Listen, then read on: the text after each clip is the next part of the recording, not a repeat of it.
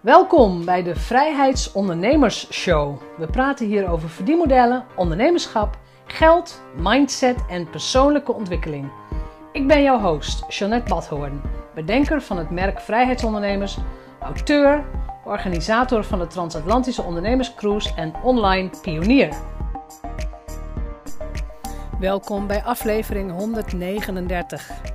En vandaag praat ik met Bonnie Voice.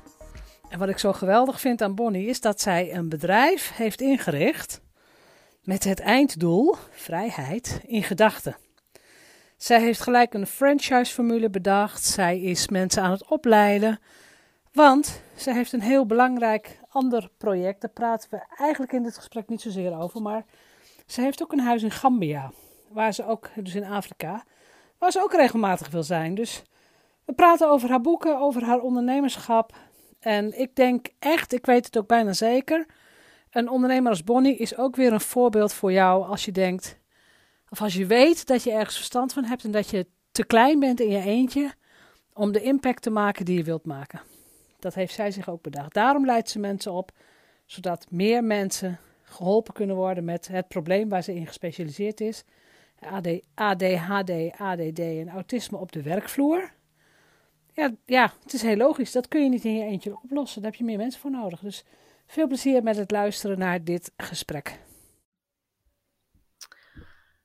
Welkom, Bonnie Voice. Spreek ik je naam goed uit zo trouwens? Ja, in één keer goed. Ja. Bonnie Voice. mooie naam ook.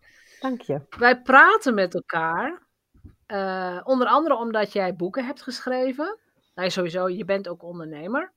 Mm -hmm. uh, en jouw laatste boek gaat over ja, je hebt geschreven in 10 stappen van diagnose naar grip.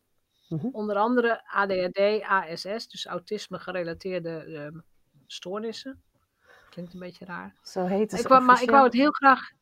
Ja, ik wou het daar heel graag ook gewoon eens over hebben. Hè, van wat kenmerkt ondernemers en komt het ook bij ondernemers voor ja of nee? Maar eerst even naar jou. Hoe zou jij jezelf op een netwerkbijeenkomst deugdelijk voorstellen? Wat zeg je dan? Uh, hallo, ik ben Bonnie Voice. Ik um, ben eigenaar van Ordevos uh, en Ordevos Pro. Het zijn twee verschillende bedrijven, maar uh, hebben wel met elkaar te maken. Um, en ik ben sinds 2003 ondernemer. En je bent niet zomaar ondernemer geworden. Dat is te kort. Nee. Maar ik, uit het voorgesprek weet ik, je bent niet zomaar ondernemer geworden. Kun je in een paar zinnen vertellen hoe dat bij jou gegaan is? Ja, ik ben um, uh, door allerlei omstandigheden ooit in een bijstandssituatie terechtgekomen. Um, uh, dat had ook te maken met een burn-out die ik heb gehad. Um, en nou ja, de, de vervelende omstandigheden echt terug, teruggetuimeld in het vangnet, wat er dan nog is, de bijstandsuitkering. Uh, en heb ja. vanuit de bijstand uh, zelf uh, mijn eigen onderneming opgezet. Eerst nog gewoon ZZP-werk gedaan en langzamerhand is dat geworden wat het nu is. Zo over die ja. jaren. Want wat is het nu? Um, Ordevos Want is je een... hebt echt al iets, heel, ja, iets indrukwekkends al neergezet. Dank je. ja. Ordevos is een franchise-organisatie. Um, ja. Ik ben zelf uh, mevrouw de directeur, voornamelijk nu. Uh, en de ontwikkelaar. Ja. Ik ben nog steeds dingen aan het ontwikkelen. Um, en we hebben uh, één secretaresse in dienst. En we zijn met zes, zeven coaches op dit moment. Die allemaal hun eigen vestiging draaien. In Noord-Nederland, dus Drenthe, Groningen, Friesland is ons werkgebied. En we hebben nu iemand in Heerenveen ja. die zelfs nog wat meer Midden-Nederland in kan. Met haar bedrijf. Ja. Uh, dus dat is het wat het nu is. Ja, ordevast. Ja, dan, bij franchise, ja. voor de mensen die franchise misschien nog niet helemaal kennen. Je hebt die mensen niet in dienst. Ze zijn volledig zelf verantwoordelijk voor hun omzet, voor hun klanten en alles wat erbij hoort. Maar ze mogen gebruik maken van alles wat jij ze via Ordevos levert. Dus Klopt. systematieke logo's enzovoort. Klopt. En, en onze, inhoudelijk onze griptools. Uh, de ja. aangepaste gereedschappen die wij hebben voor mensen met ADHD en autisme. Um, we hebben een handboek, uh, natuurlijk een franchise handboek, waar alles uh, uit en na in staat beschreven. Hoe, hoe, wij werken, waar ja. we voor staan. Um, wat hebben we nog meer? workshops geef ik of laat ik geven voor de franchise-nemers. Ook een paar keer per jaar. Ehm, ja, dus op het moment dat je hè, andersom geredeneerd uh, denkt van goh, ADHD-coach of autisme-coach zou ik wel willen worden of ben ik al, maar het gaat me niet hard genoeg mijn bedrijf. En ik mis toch eigenlijk een gedegen methodiek, dan moet je bij mij komen. Want die ja, heb precies. Want het is op zich heel, heel interessant als ondernemer, want heel veel ondernemers die beginnen zelfstandig, die beginnen alleen. Um, ik kom het franchise-model niet heel vaak tegen. In de dus coachingwereld niet, hè? Nou, in, in de coachingwereld niet. Uh, ik bedoel, ik ken het wel van de HEMA en de Blokker en de weet ik veel wat allemaal. Maar en de hamburgers, hè? In de coachingwereld. En de hamburgers, ja, ja ook. Uh, nee, in de coachingwereld niet. Dus wat, wat, wat heeft jou doen besluiten om dit model te kiezen? Um, toen ik nog in mijn bijstandssituatie zat, uh, dat was natuurlijk ook een beetje gevoerd door de burn-out uh, die daaraan vooraf ging. Um, had ik twee regels voor mezelf. De ene was, ik wil nooit meer werken met mensen die ik niet aardig vind. Uh, daar zal ik verder niet over uitweiden. maar dat is een belangrijke. Nee, een belangrijke regel. Ja. En de andere was, um, ik wil geen mensen in dienst als ik uh, mijn vakgebied weer verder ga uit, uitoefenen. Uh, hè, wat, wat nu een coachingpraktijk is. Um, ja, ja het, het, voor jezelf werken, zelf verantwoordelijk zijn voor alle ins en outs die te maken hebben met iemand helpen, tot en met het financiële aan toe geeft zo'n andere situatie dan wanneer je in loondienst bent. En dan kun je eventueel nog negeren dat er iets als geld is en dat daar zorgvuldig mee omgegaan moet worden. Uh, zeker in mijn sector, hè, maatschappelijk werk was uh, nou ja, een gesubsidieerde sector natuurlijk. Uh, ja, en ja, ja, ik heb zelf gezien dat als je dat allemaal integraal kan en mag besturen en, en je daarmee bezig kan en moet houden zelfs, dat het zo stimuleert, ook voor je eigen persoonlijke ontwikkeling. Um, en ja, zo krijg, krijg, je het beste uit mensen, vind ik. Um, want het zijn allemaal hoogopgeleide uh, HBO- of academisch geschoolde coaches die ik erbij heb. Het is wel interessant wat je zegt, hè? Dat je op, als, als je mensen 100% verantwoordelijkheid geeft, ook voor geld, dat je dan het beste uit mensen krijgt. Ja. Heb ja, je dat, dat ook gezien, verschil tussen loondienst en ondernemerschap? Heb je dat nou ja, ik bedoel, ik kan het me voorstellen, maar heb je het ook echt zo gezien?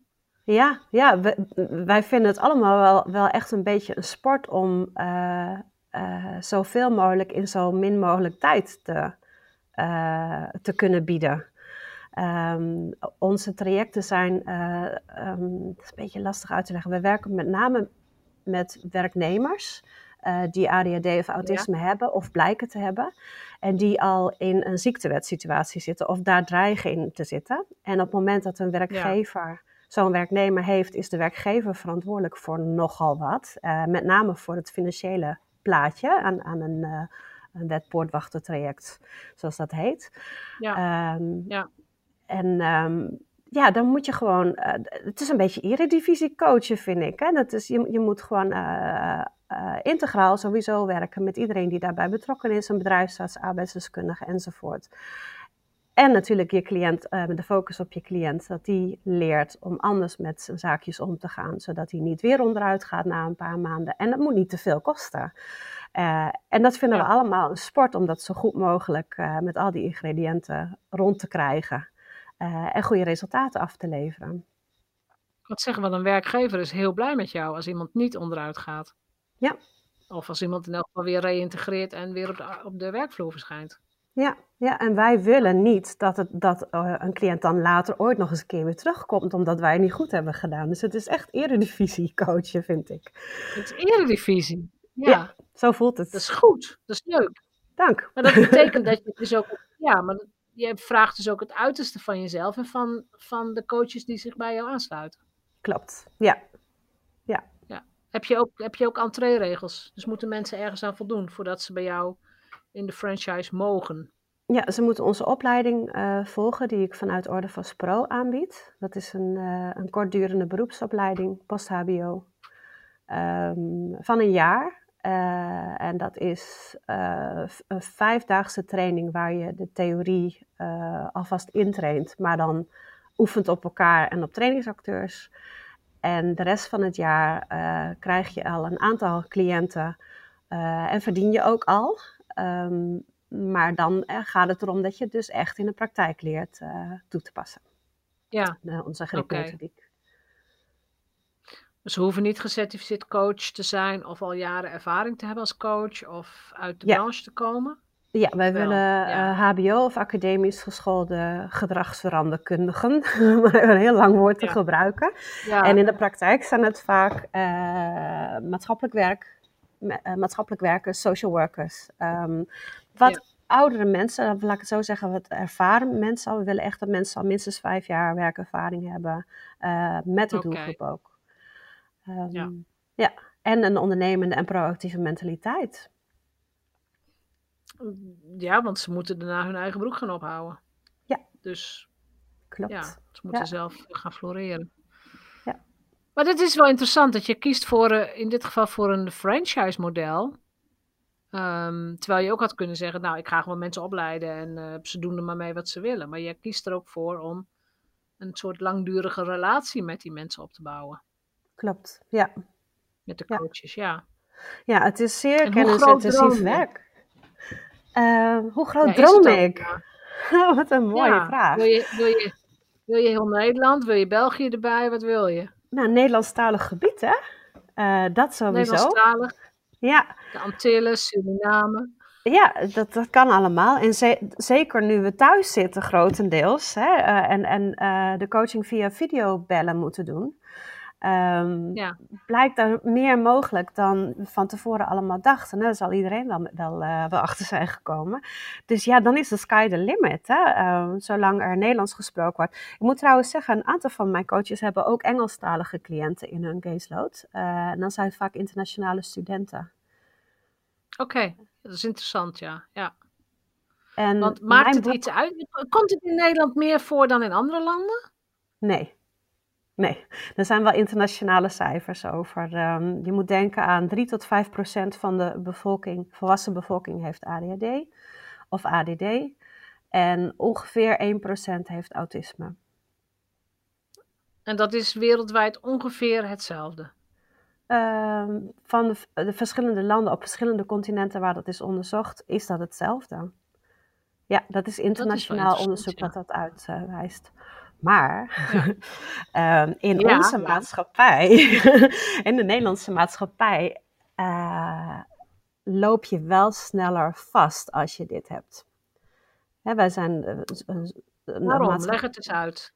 Ja, wij zijn een samenleving die zo op, op structuren uh, gebaseerd is. en en zoveel van je vraagt op het gebied van zelfregulatie en zelfsturing. Uh, en zelfmanagement, uh, dat je sneller uh, onderuit gaat, is mijn theorie in, in een samenleving als deze. Ik zit ook regelmatig in het West-Afrikaanse land Gambia en ik kan daar zo al wel een aantal mensen aanwijzen waarvan ik vermoed dat die ADHD of autisme hebben, um, maar waar dat helemaal geen probleem is en soms zelfs een, een voordeel. Ik zit te denken, is dat ook de reden dat mensen die, weet je, het klinkt natuurlijk heel erg alsof wij mensen met stempeltjes wegzetten, maar mensen die ADHD of autisme-achtige dingen hebben, dat die heel goed passen in protocolaire organisaties? Dus nee, ook, leger, één op één. Politie, nee? nee? Oké. Nee nee, dat is, dat is wel wat ik toen ik nog voornamelijk met jongeren werkte, uh, wel vaak hoorde hè, van ouders van hij ah, moet gewoon het leger in, dan leert hij wel discipline. Maar ja, ik denk aan voor bijvoorbeeld. Ja, of uh, binnen de politie, um, uh, de, duidelijke regels enzovoort. nee, ja. nee, het is echt wel maatwerk en echt individueel werk om samen met iemand met ADHD, een volwassene met ADHD of een volwassene met autisme uit te zoeken wat hij precies nodig heeft om zijn energiebalans intact te houden en duurzaam inzetbaar te blijven. Ja. Uh, je kunt er geen en dat is ook de reden dat jij... tips over geven. Nee. nee. Ah ja, jammer. Jammer. Het jammer, zou zo makkelijk zijn. Maar... dan was, er, waar, was ik niet nodig. Nee. nee. Schepheid natuurlijk. Maar. maar dat is misschien ook een van de redenen dat jij nu je tweede boek geschreven hebt. Uh, ja, ik heb in 2018 mijn eerste boek geschreven, Grip als je anders denkt. Ehm, dat was eigenlijk het, ehm, eh, het, het, het, onderwerp wat nog ontbrak, of, of het, het ding wat nog ontbrak, namelijk een, een, boek met een methode die de methode beschrijft, de gripmethode beschrijft. Um, want ik had toen de opleiding al voor, voor coaches en een reader natuurlijk. En er moest nog een boek komen, dus dat, dat kwam in 2018 uit. En daarna, ja waren er toch steeds vaker mensen die vroegen van ja, maar voor cliënten dan? En ik heb eerlijk gezegd daar eh, wat langer tegen aangehikt of ik wel vond dat ik dat moest doen. Want mijn doelgroep, volwassenen met ADHD en of autisme, hebben al zoveel dingen geprobeerd in de richting van zelfsturing, regie, management, organisatie, tips en trucs, effectief werken. Je wil niet weten hoeveel ze geprobeerd hebben wat niet beklijft. En ik kan uitleggen waarom dat zo is. Uh, dus mijn dat boek. staat in het boek? Ja, in mijn, mijn boek in 10 stappen van diagnose naar grip uh, beschrijft wat ze je niet vertellen als je met de diagnose naar huis gaat. Uh, en misschien zelfs medicatie krijgt, en dat heeft ook niet iedereen. Of misschien geen medicatie wilt, want er zijn ook mensen die dat gewoon niet willen. Wat je dan zelf kunt doen om wel grip op je leven te krijgen en te houden. Um, ja, ja, zullen we de stappen eens doornemen? Dat boek moest er komen, ja. Ja, dat is goed. Ja, het boek moest er komen. Want in ons voorgesprek vroeg ik ook van... Uh, zelfstandige ondernemers, hè, de mensen die naar de podcast luisteren, uh, zitten daar ook mensen met ADHD tussen? En jij zei toen ja, onder ondernemers komt het misschien wel iets vaker voor dan, nou ja, dan bij werknemers. Ja, dat is bekend. Ik weet de precieze uh, percentages niet, um, maar er zijn onder uh, ondernemers is het percentage mensen met ADHD in ieder geval hoger dan gemiddeld op de bevolking. Ja, oké. Nou, dan gaan we gewoon eens kijken welke, welke stappen jij als professional beschreven hebt. Mm En of dat inderdaad, of ik ze herken, of dat, nou ja, of dat iemand die luistert het herkent en denkt, oh, dat boek moet ik hebben. De, in de show notes komt straks de bestelling wel te staan, dan kun je een boek bestellen, maar laten we ze gewoon eens doornemen. Dat is goed. Want stap 1, ik heb de stappen hier voor me. Hè. Stap 1 is, vind iets van je diagnose. Ja. Wat bedoel je daarmee? Nou, wij zaten net zelf al te worstelen met hoe noem je het nou? Ik vind, ik vind woorden als stoornis en handicap hele zware woorden. Ziektebeeld hè, zou je het zelfs kunnen noemen als je kijkt naar dat het in een psychiatrisch handboek wordt beschreven.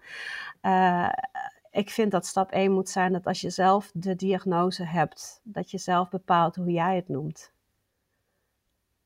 Ah, oké. Dus dat is een, een soort dat je regie neemt over hoe ga ik, hoe ga ik het noemen überhaupt.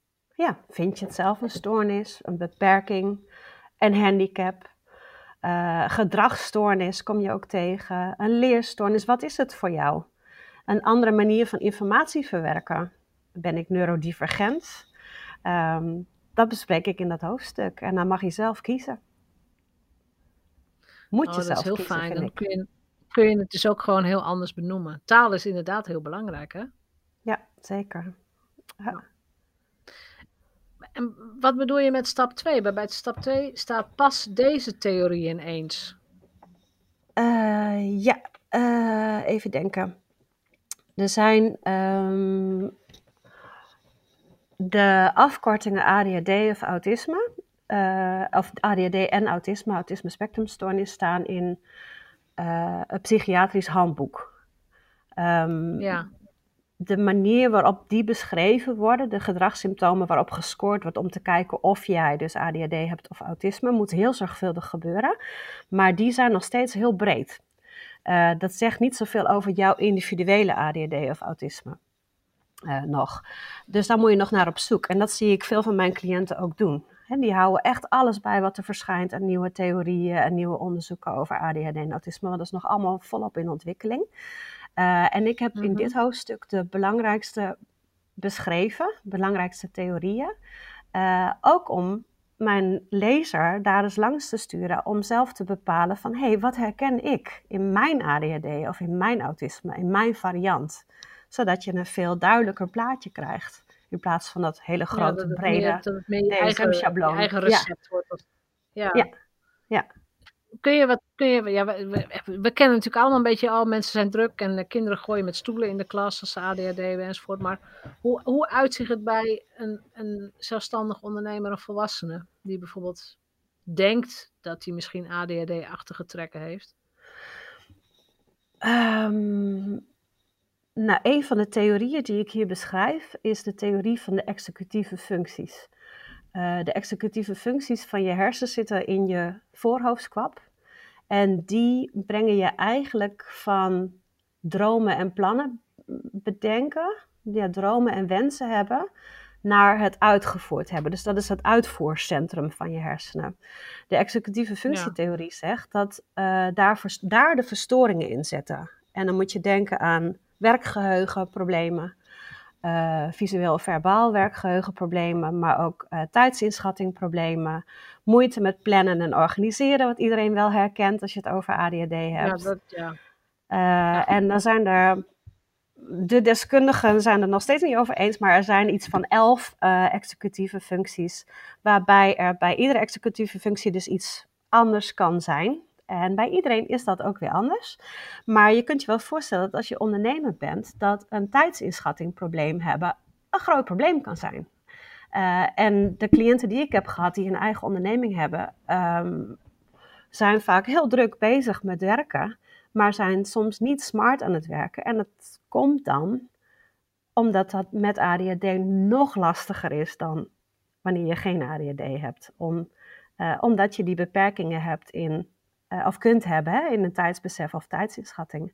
De meeste mensen met ADD of ADD, eh, maar ook bij autisme, want daar speelt de executieve functieproblematiek ook een rol, um, hebben een minder gevoel voor urgentie, wat te maken heeft met tijdsinschatting. Het wordt ook wel toekomstblindheid genoemd. Uh, dus je ziet van hier tot hè, een beetje voor je ogen zie je het scherp en daarna wordt het blurry. Als je, als je um, bijziend bent. Ja, toekomstbijziendheid. Uh, betekent het dan dat je, dat je niet de goede dingen doet? Um, dat je de juiste dingen niet doet? Of dat je niet een lange termijn plan maakt? Of, of dat je dingen te gemakkelijk inschat? Hoe moet ik dat zien? Nou, lange termijn plannen maken kan lastiger zijn als je dit soort problematiek hebt. Uh, maar je daaraan ja. houden nog meer. Um, je kunt in een okay, hyperfocus okay, zitten. Maken, ja. Ja, ja. Hè, je kunt in een hyperfocus zitten en ontzettend goed zijn met dit ene project. En tegelijkertijd helemaal vergeten dat er vandaag een ander werkstuk af had gemoeten. Of die offerte nog de deur uit zou moeten. En dus het gaat om de combinatie van. Het wordt wel vergeleken met een orkest zonder dirigent. Um, hè, executieve functieproblematiek. Je hebt elke muzikant nodig om een mooi muziekstuk te maken. Maar als de dirigent ontbreekt, wordt het nog steeds een zootje. Ook al hoe goed elke afzonderlijke muzikant ook is.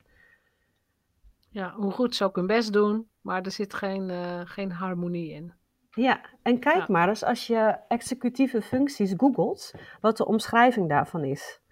Daar staat namelijk bij, uh, je kunt het vergelijken met uh, ondernemer zijn. Als ondernemer moet je alles tegelijkertijd in de gaten kunnen houden en in goede banen kunnen leiden en op tijd stop kunnen zetten enzovoort.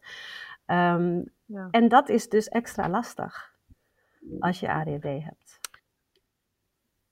Ja, of betekent dat je of iemand in, in, je, in je team moet hebben die dat misschien voor jou in de gaten houdt? Um, een, een, handig partnerschap kan goed zijn. Uh, ik heb ook een, uh, een, dat was een ik heb in een gezin gewerkt ooit, helemaal in het begin hoor. Toen werkte ik nog meer met jongeren, waarbij de vader ADHD had. Maar die was zo goed in zijn bedrijf zodanig opzetten dat hij kon excelleren in waar hij goed in was. Maar die had twee secretaresses die hem zelfs nog zijn paspoort achterna reden als hij op Schiphol erachter kwam dat, dat, uh, dat hij die vergeten was. Maar die had wel een heel groot bedrijf opgezet. Uh, dus het is goed leren dat kennen. Dat is ook erkennen, dat, precies, dat je als je jezelf goed kent en je weet, oh hier ben ik niet zo goed in, dit gaat niet zo goed. Dat ik zorg dat ik dat aanvul. Ja, ja. In plaats van, gefrustreerd worden en denken, ja, dit ga ik nooit leren. Want dat ga je dus ook niet echt goed leren. Klopt, ja. ja. En dan praat jij over, vind je neurotribe en vergeef jezelf. In stap 3. Ja. ja um... Ik vind neurotribe vind ik al een heel mooi woord. Mooi woord, Maar wat ga ik dan vinden? Um, ja, zoek, zoek naar andere mensen. In tijden dat, dat er uh, communities in Nederland in ieder geval meer online zijn dan in real life, uh, ga op zoek naar mensen die uh, ook autisme of ADHD hebben om te kijken hoe die het doen. hun tips over te nemen, samen met hun te strijden voor meer erkenning bijvoorbeeld. Hè. Er is een hele grote autisme community op Instagram die in plaats van de dag van autisme awareness, de, de dag van autisme acceptance hebben gemaakt, bijvoorbeeld. Uh, dus ga op zoek naar je tribe, naar je stam, hè, de mensen waar je, bij hoort. Ja. ja. Uh, omdat je zo van elkaar kan leren. En vergeef jezelf. En waarom moet je dan jezelf vergeven? Ja, precies. Ja, waarom ja. moet je jezelf vergeven? Ja, omdat je er, als je er alleen mee blijft zitten worstelen, je vaak jezelf zo ongenadig op je donder aan het geven bent.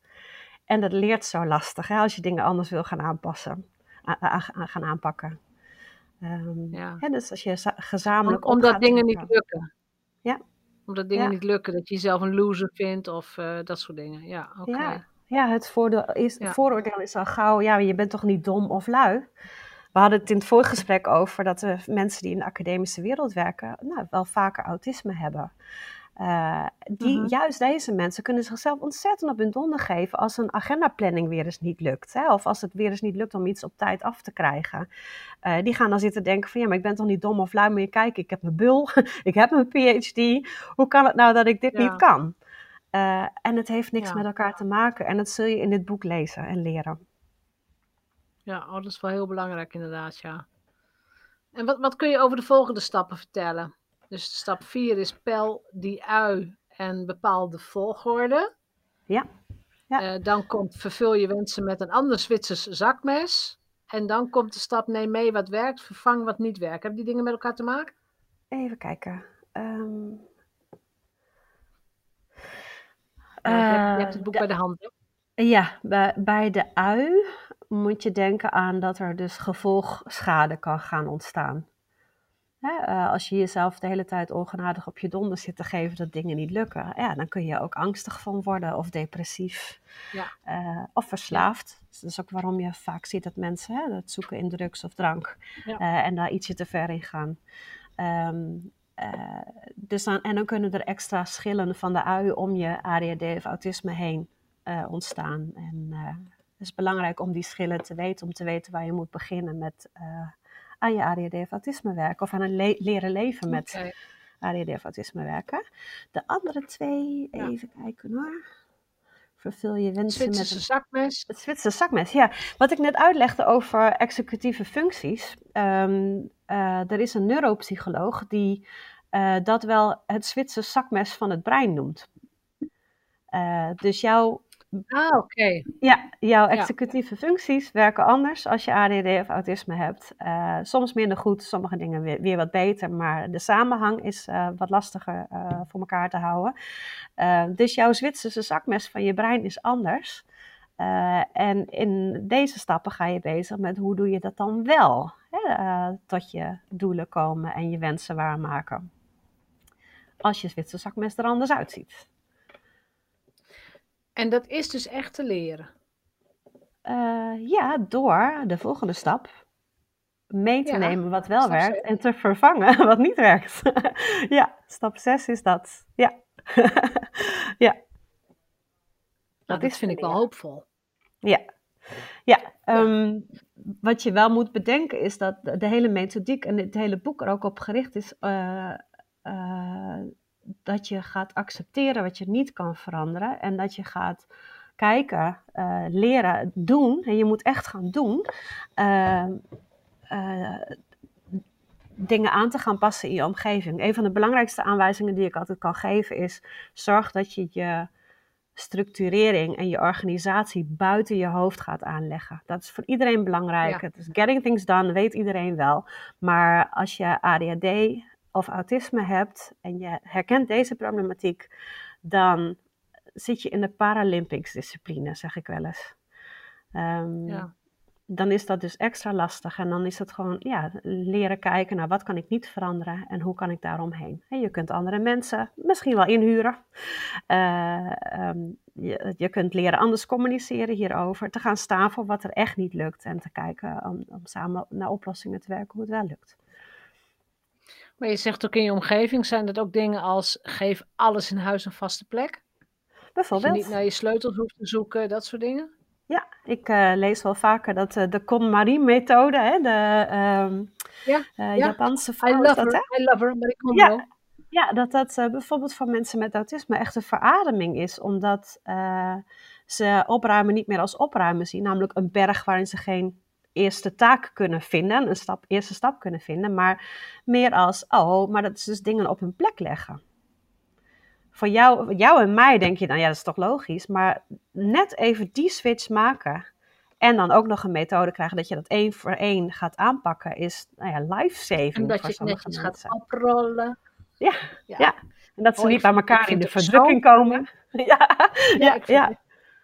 Nou, en is je kasten vol, ja, dan moet er weer wat uit. Huppakee, zo fijn. Ja, ja, ja absoluut. Ja. En dat, zijn dat, dat, is een mooi voorbeeld. Hè? Bij jou en mij gaat het direct lopen. Hè? Van oh, opruimen, dit, dat, dat, dat, dat. Hè? Wij zien direct een, een stappenplan van zes of zeven dingen voor ons. Dat is slaperiger als je executieve functieproblemen hebt. Het is er niet helemaal ah, niet, maar het is slaperiger. Ja.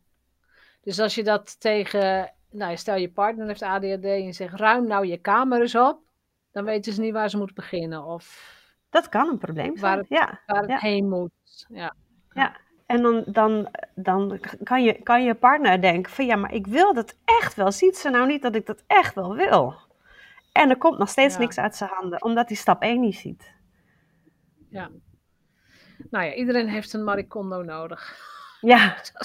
ja, en dan hebben we het hier nog over de tastbare dingen. Hè? Maar hoeveel structuur moet je wel niet aanbrengen in de niet tastbare dingen? Je tijd. wat bedoel je dan? Je, je tijd, ja, ja, je taken. Hè, de dingen die je niet vast kan pakken. En hoeveel van onze tijd gaat daar wel niet in zitten? Zeker als je ondernemer bent. Ja. ja. Structuur en organisatie voor En dan de volgende stap gaat over prioriteiten stellen. Stap 7. Eh. Spot het verschil is belangrijk en dringend en doe al die dingen. Ja, ja. Um, als ik, uh, dat is de, hoe heet die ook alweer? Eisenhower matrix. Hè? Belangrijk versus dringend. Um, ja. Kijk welke dingen je allemaal doet. In welk kwadrant breng je de meeste van je tijd door. We weten allemaal dat als je alleen maar in het kwadrant belangrijk uh, en dringend beweegt, dat dat het burn-out kwadrant is. Dat je daar, uh, als je alleen maar dat doet, hè, dan zul je sneller burn-out raken en hard ook. Uh, dus uh, wat niet belangrijk is, of wat niet dringend is, pardon, hè, wat niet meteen nu moet, maar wel belangrijk is, dat is het gelukskwadrant. nou, eye-opener voor iedereen die hem voor het eerst ziet, maar zeker voor mensen met executieve functieproblematiek en tijdsinschattingproblemen. Ja. ze gebruiken het wel als tool. Eh, de Eisenhower matrix. Hè? Dus voor, voor, ons is het iets wat je leest en denkt, oh, daar is gewoon dus een model voor. En voor mensen met ADD. Model, ja. Is, ja, ja, er is dus gewoon een model. Niet urgent, niet naar kijken. Ja. ja. Ja, maar wij kunnen dat in ons hoofd hè, meteen weggooien en ordenen en wegzetten. En iemand met ADD of autisme kan de Eisenhower matrix bijvoorbeeld leren gebruiken als een planningstool. Ja, oké, snap ik. En dan daar gewoon de taak inzetten in het kwadrant. Uh, als stap, als eerste stap. Daarna komen er nog een reeks tools om het uh, in het zicht te houden. Maar ja. Ja. ja. ja. en zo krijg je de dingen wel voor elkaar. En dan, ja, de stap 8 hebben we het een beetje over gehad. Hè? Accepteren toch gewoon. Ja, gewoon heb ik uh, tussen aanhalingstekens staan hier. Hè, ja, omdat dat ook... aanhalingstekens. Ja, ja. ja. maar de, het probleem zit hem natuurlijk in de hashtag hoe dan, zeg ik altijd. Ja, want dat, dat zullen mensen je ook vragen, of niet? Ja, het, ja, hoe dan? Het, zit hem in het hoe. Ja, ik zeg ook altijd tegen mijn coaches dat als je bij, het vier, bij de vierde sessie niet aan het doen bent geslagen met je cliënt, dan moet je stoppen. Uh, want dit, deze vorm van coaching gaat echt over doen. En dat is best lastig, want we hebben zeer intelligente cliënten erbij die uh, uh, goed kunnen vertellen, goed kunnen verwoorden, uh, heel veel zelfinzicht hebben wat er allemaal niet lukt. Maar in het daarover praten en over nadenken zit de oplossing niet.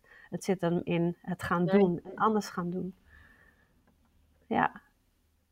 Uh, dus, dus de, coaching is ook heel erg gericht op, op gedragsverandering ja. in feite. Ja, een aanpassing in je eigen leven. Ja. Ja. Ja. En dan de laatste twee stappen. Hou invloed op alle ins en outs. Even kijken. De negende, Van ja. jezelf? Of, ja, nummer negen. Wat bedoel je met die stap? Uh, die bereidt inderdaad door op hoe je uh, je tijd, de, de TIG-zaken noem ik die, de tijd, uh, ja. taken, inspanningen en geldzaken wel in het zicht houdt. Want in je hoofd hè, is het net als wanneer je je laptop dichtklapt, is het werk weg. In je hoofd ja. is dat ook ja. weg, dus blijft dat buiten je hoofd doen en zo hou je invloed. Um, ja. Belangrijk hierbij is, is om te zijn... zeggen. Sorry? Ja. belangrijk om nee, hierbij zeg te, te, zeggen is. Um, uh, wij betrekken altijd de omgeving er ook bij. Um, dus een oh, werkgever. Hè, als, ja, als een cliënt uh, uh, aangemeld wordt door de werkgever of indirect door de werkgever via de bedrijfsarts, is ook vaak de vraag trouwens van de werkgever of de leidinggevende van goh, ik heb hier gewoon een hele goede werknemer aan. alleen ik zie hem of haar onderuit gaan en met de interventies die ik kan plegen red ik het niet meer. Dus leer mij alsjeblieft ook hoe ik uh, uh, als neurotypical ja. uh, om kan gaan met neuro, een, iemand met een neurodivers brein. dat vond ik fantastisch ja. om te merken toen ik dit, dit werk ging doen, hè, met werkgevers en werknemers werken, dat ze heel graag ook willen weten van geef me handvatten. leer, leer ja. me hoe ik wel moet communiceren, hoe ik dingen wel voor elkaar krijg. Um, uh, en hetzelfde natuurlijk met een partner. Hè, ik, ik kan wel een, een cliënt uh, gaan, gaan coachen op uh, assertieve zijn en, en dingen anders gaan doen. Maar als je een partner er niet bij kan betrekken, mis je vaak een stuk van het plaatje. dingen ja. die voor jou en mij wel urgent zouden zijn, belangrijk zouden zijn in een coaching traject. kan best zijn dat iemand met autisme dat helemaal niet ziet, omdat hij het helemaal niet ziet als belangrijk. Nou, dan is het belangrijk dat je het ook van het hè, thuissysteem hoort of van de werkgever hoort hoe er ja. uh, naar gekeken wordt. Nou, dat vind ik ook wel heel belangrijk, dat de, de, context waarin iemand functioneert ook echt heel erg van belang is. Ja, en je moet het met z'n tweeën redden. Nou, als, je, als je partner ADHD of autisme heeft, um, dan wil je niet dat uh, uh, een hulpverlening, wat voor hulpverlening dan ook, maar er helemaal op is gericht, dat jij je als niet-autist of ADHD'er uh, maar helemaal moet aanpassen aan de ander. Want dan ga je met z'n tweeën alsnog door het mandje op een gegeven moment. Uh, uh, dus het moet, moet altijd met z'n tweeën gewerkt worden. Jullie leven samen met ADHD of autisme in je relatie. En dus moet je ook samen daarmee aan het werk ja. en aan de slag. Maar wel op zo'n ja. manier dat er evenwicht blijft. En het een volwassen relatie blijft in plaats van een ouder-kindrelatie wordt. Ja, ja, maar dat beschrijf je inderdaad ook op je website. Dat dat, dat een, een gevaar zou kunnen zijn. Ja. ja. Dat de een alles gaat, de taken over gaat nemen van de ander. Uh. Ja, mensen die zich voor relatiecoaching aanmelden, die, die, die uh, noemen dit zelfs letterlijk in, in de aanmeld-e-mail vaak van, god, dat herkende ik zo. Dit is precies, ja. hè, ik kan alle, alle vakjes aanvinken wat daar staat um, in, over onze ja. relatie. En we willen daar zo graag uitkomen. Ja. Ja, dat kan me ook heel goed voorstellen. Dus in een relatie, let op de valkuilen en let op de. Nou ja, je hebt op je website ook inderdaad een heel aantal uh, kenmerken staan van waar je op moet gaan letten. En als we dan bij stap 10 aankomen, dan is het natuurlijk iets heel belangrijks. Hè? Breng jezelf in kaart en behoud je grip. Dat is ja. voor mij, zou dat betekenen zelfkennis en zelfregie? Zeg ik het zo ja. goed? Uh, ja, uh, in dit hoofdstuk deel ik, uh, sowieso in het boek deel ik vijf van onze tools, waar je in de opdrachten die per stap beschreven staan. Hè. Elke stap eindigt met een opdracht. En vijf van deze opdrachten hebben een, een, van onze griptools erbij in. En dit is de laatste in hoofdstuk 10. Um, waarbij je de wat is mijn ADD of autisme tool helemaal invult. met alles wat je uh, vanuit de alle, alle tiende stappen hebt geleerd. Uh, en zo kan je jezelf in kaart brengen, maar uh, daar, die tool houdt ook in dat je de aanwijzingen hebt leren kennen en hebt leren beschrijven hoe je uit de panarie komt en hoe je meer grip krijgt en meer zelfsturing krijgt. Oké. Okay. Ja. ja. Want wat, dat vind ik wel heel hoopvol, dat je zegt, weet je, je kunt gewoon dingen, dingen anders doen, je kunt dingen leren. Mm-hmm. Um, want ik ken best veel mensen die ADHD-achtige dingen hebben, zonder dat ik weet of ze het stempel al dan niet hebben. Mhm. Maar meestal zijn ze er niet gelukkig mee.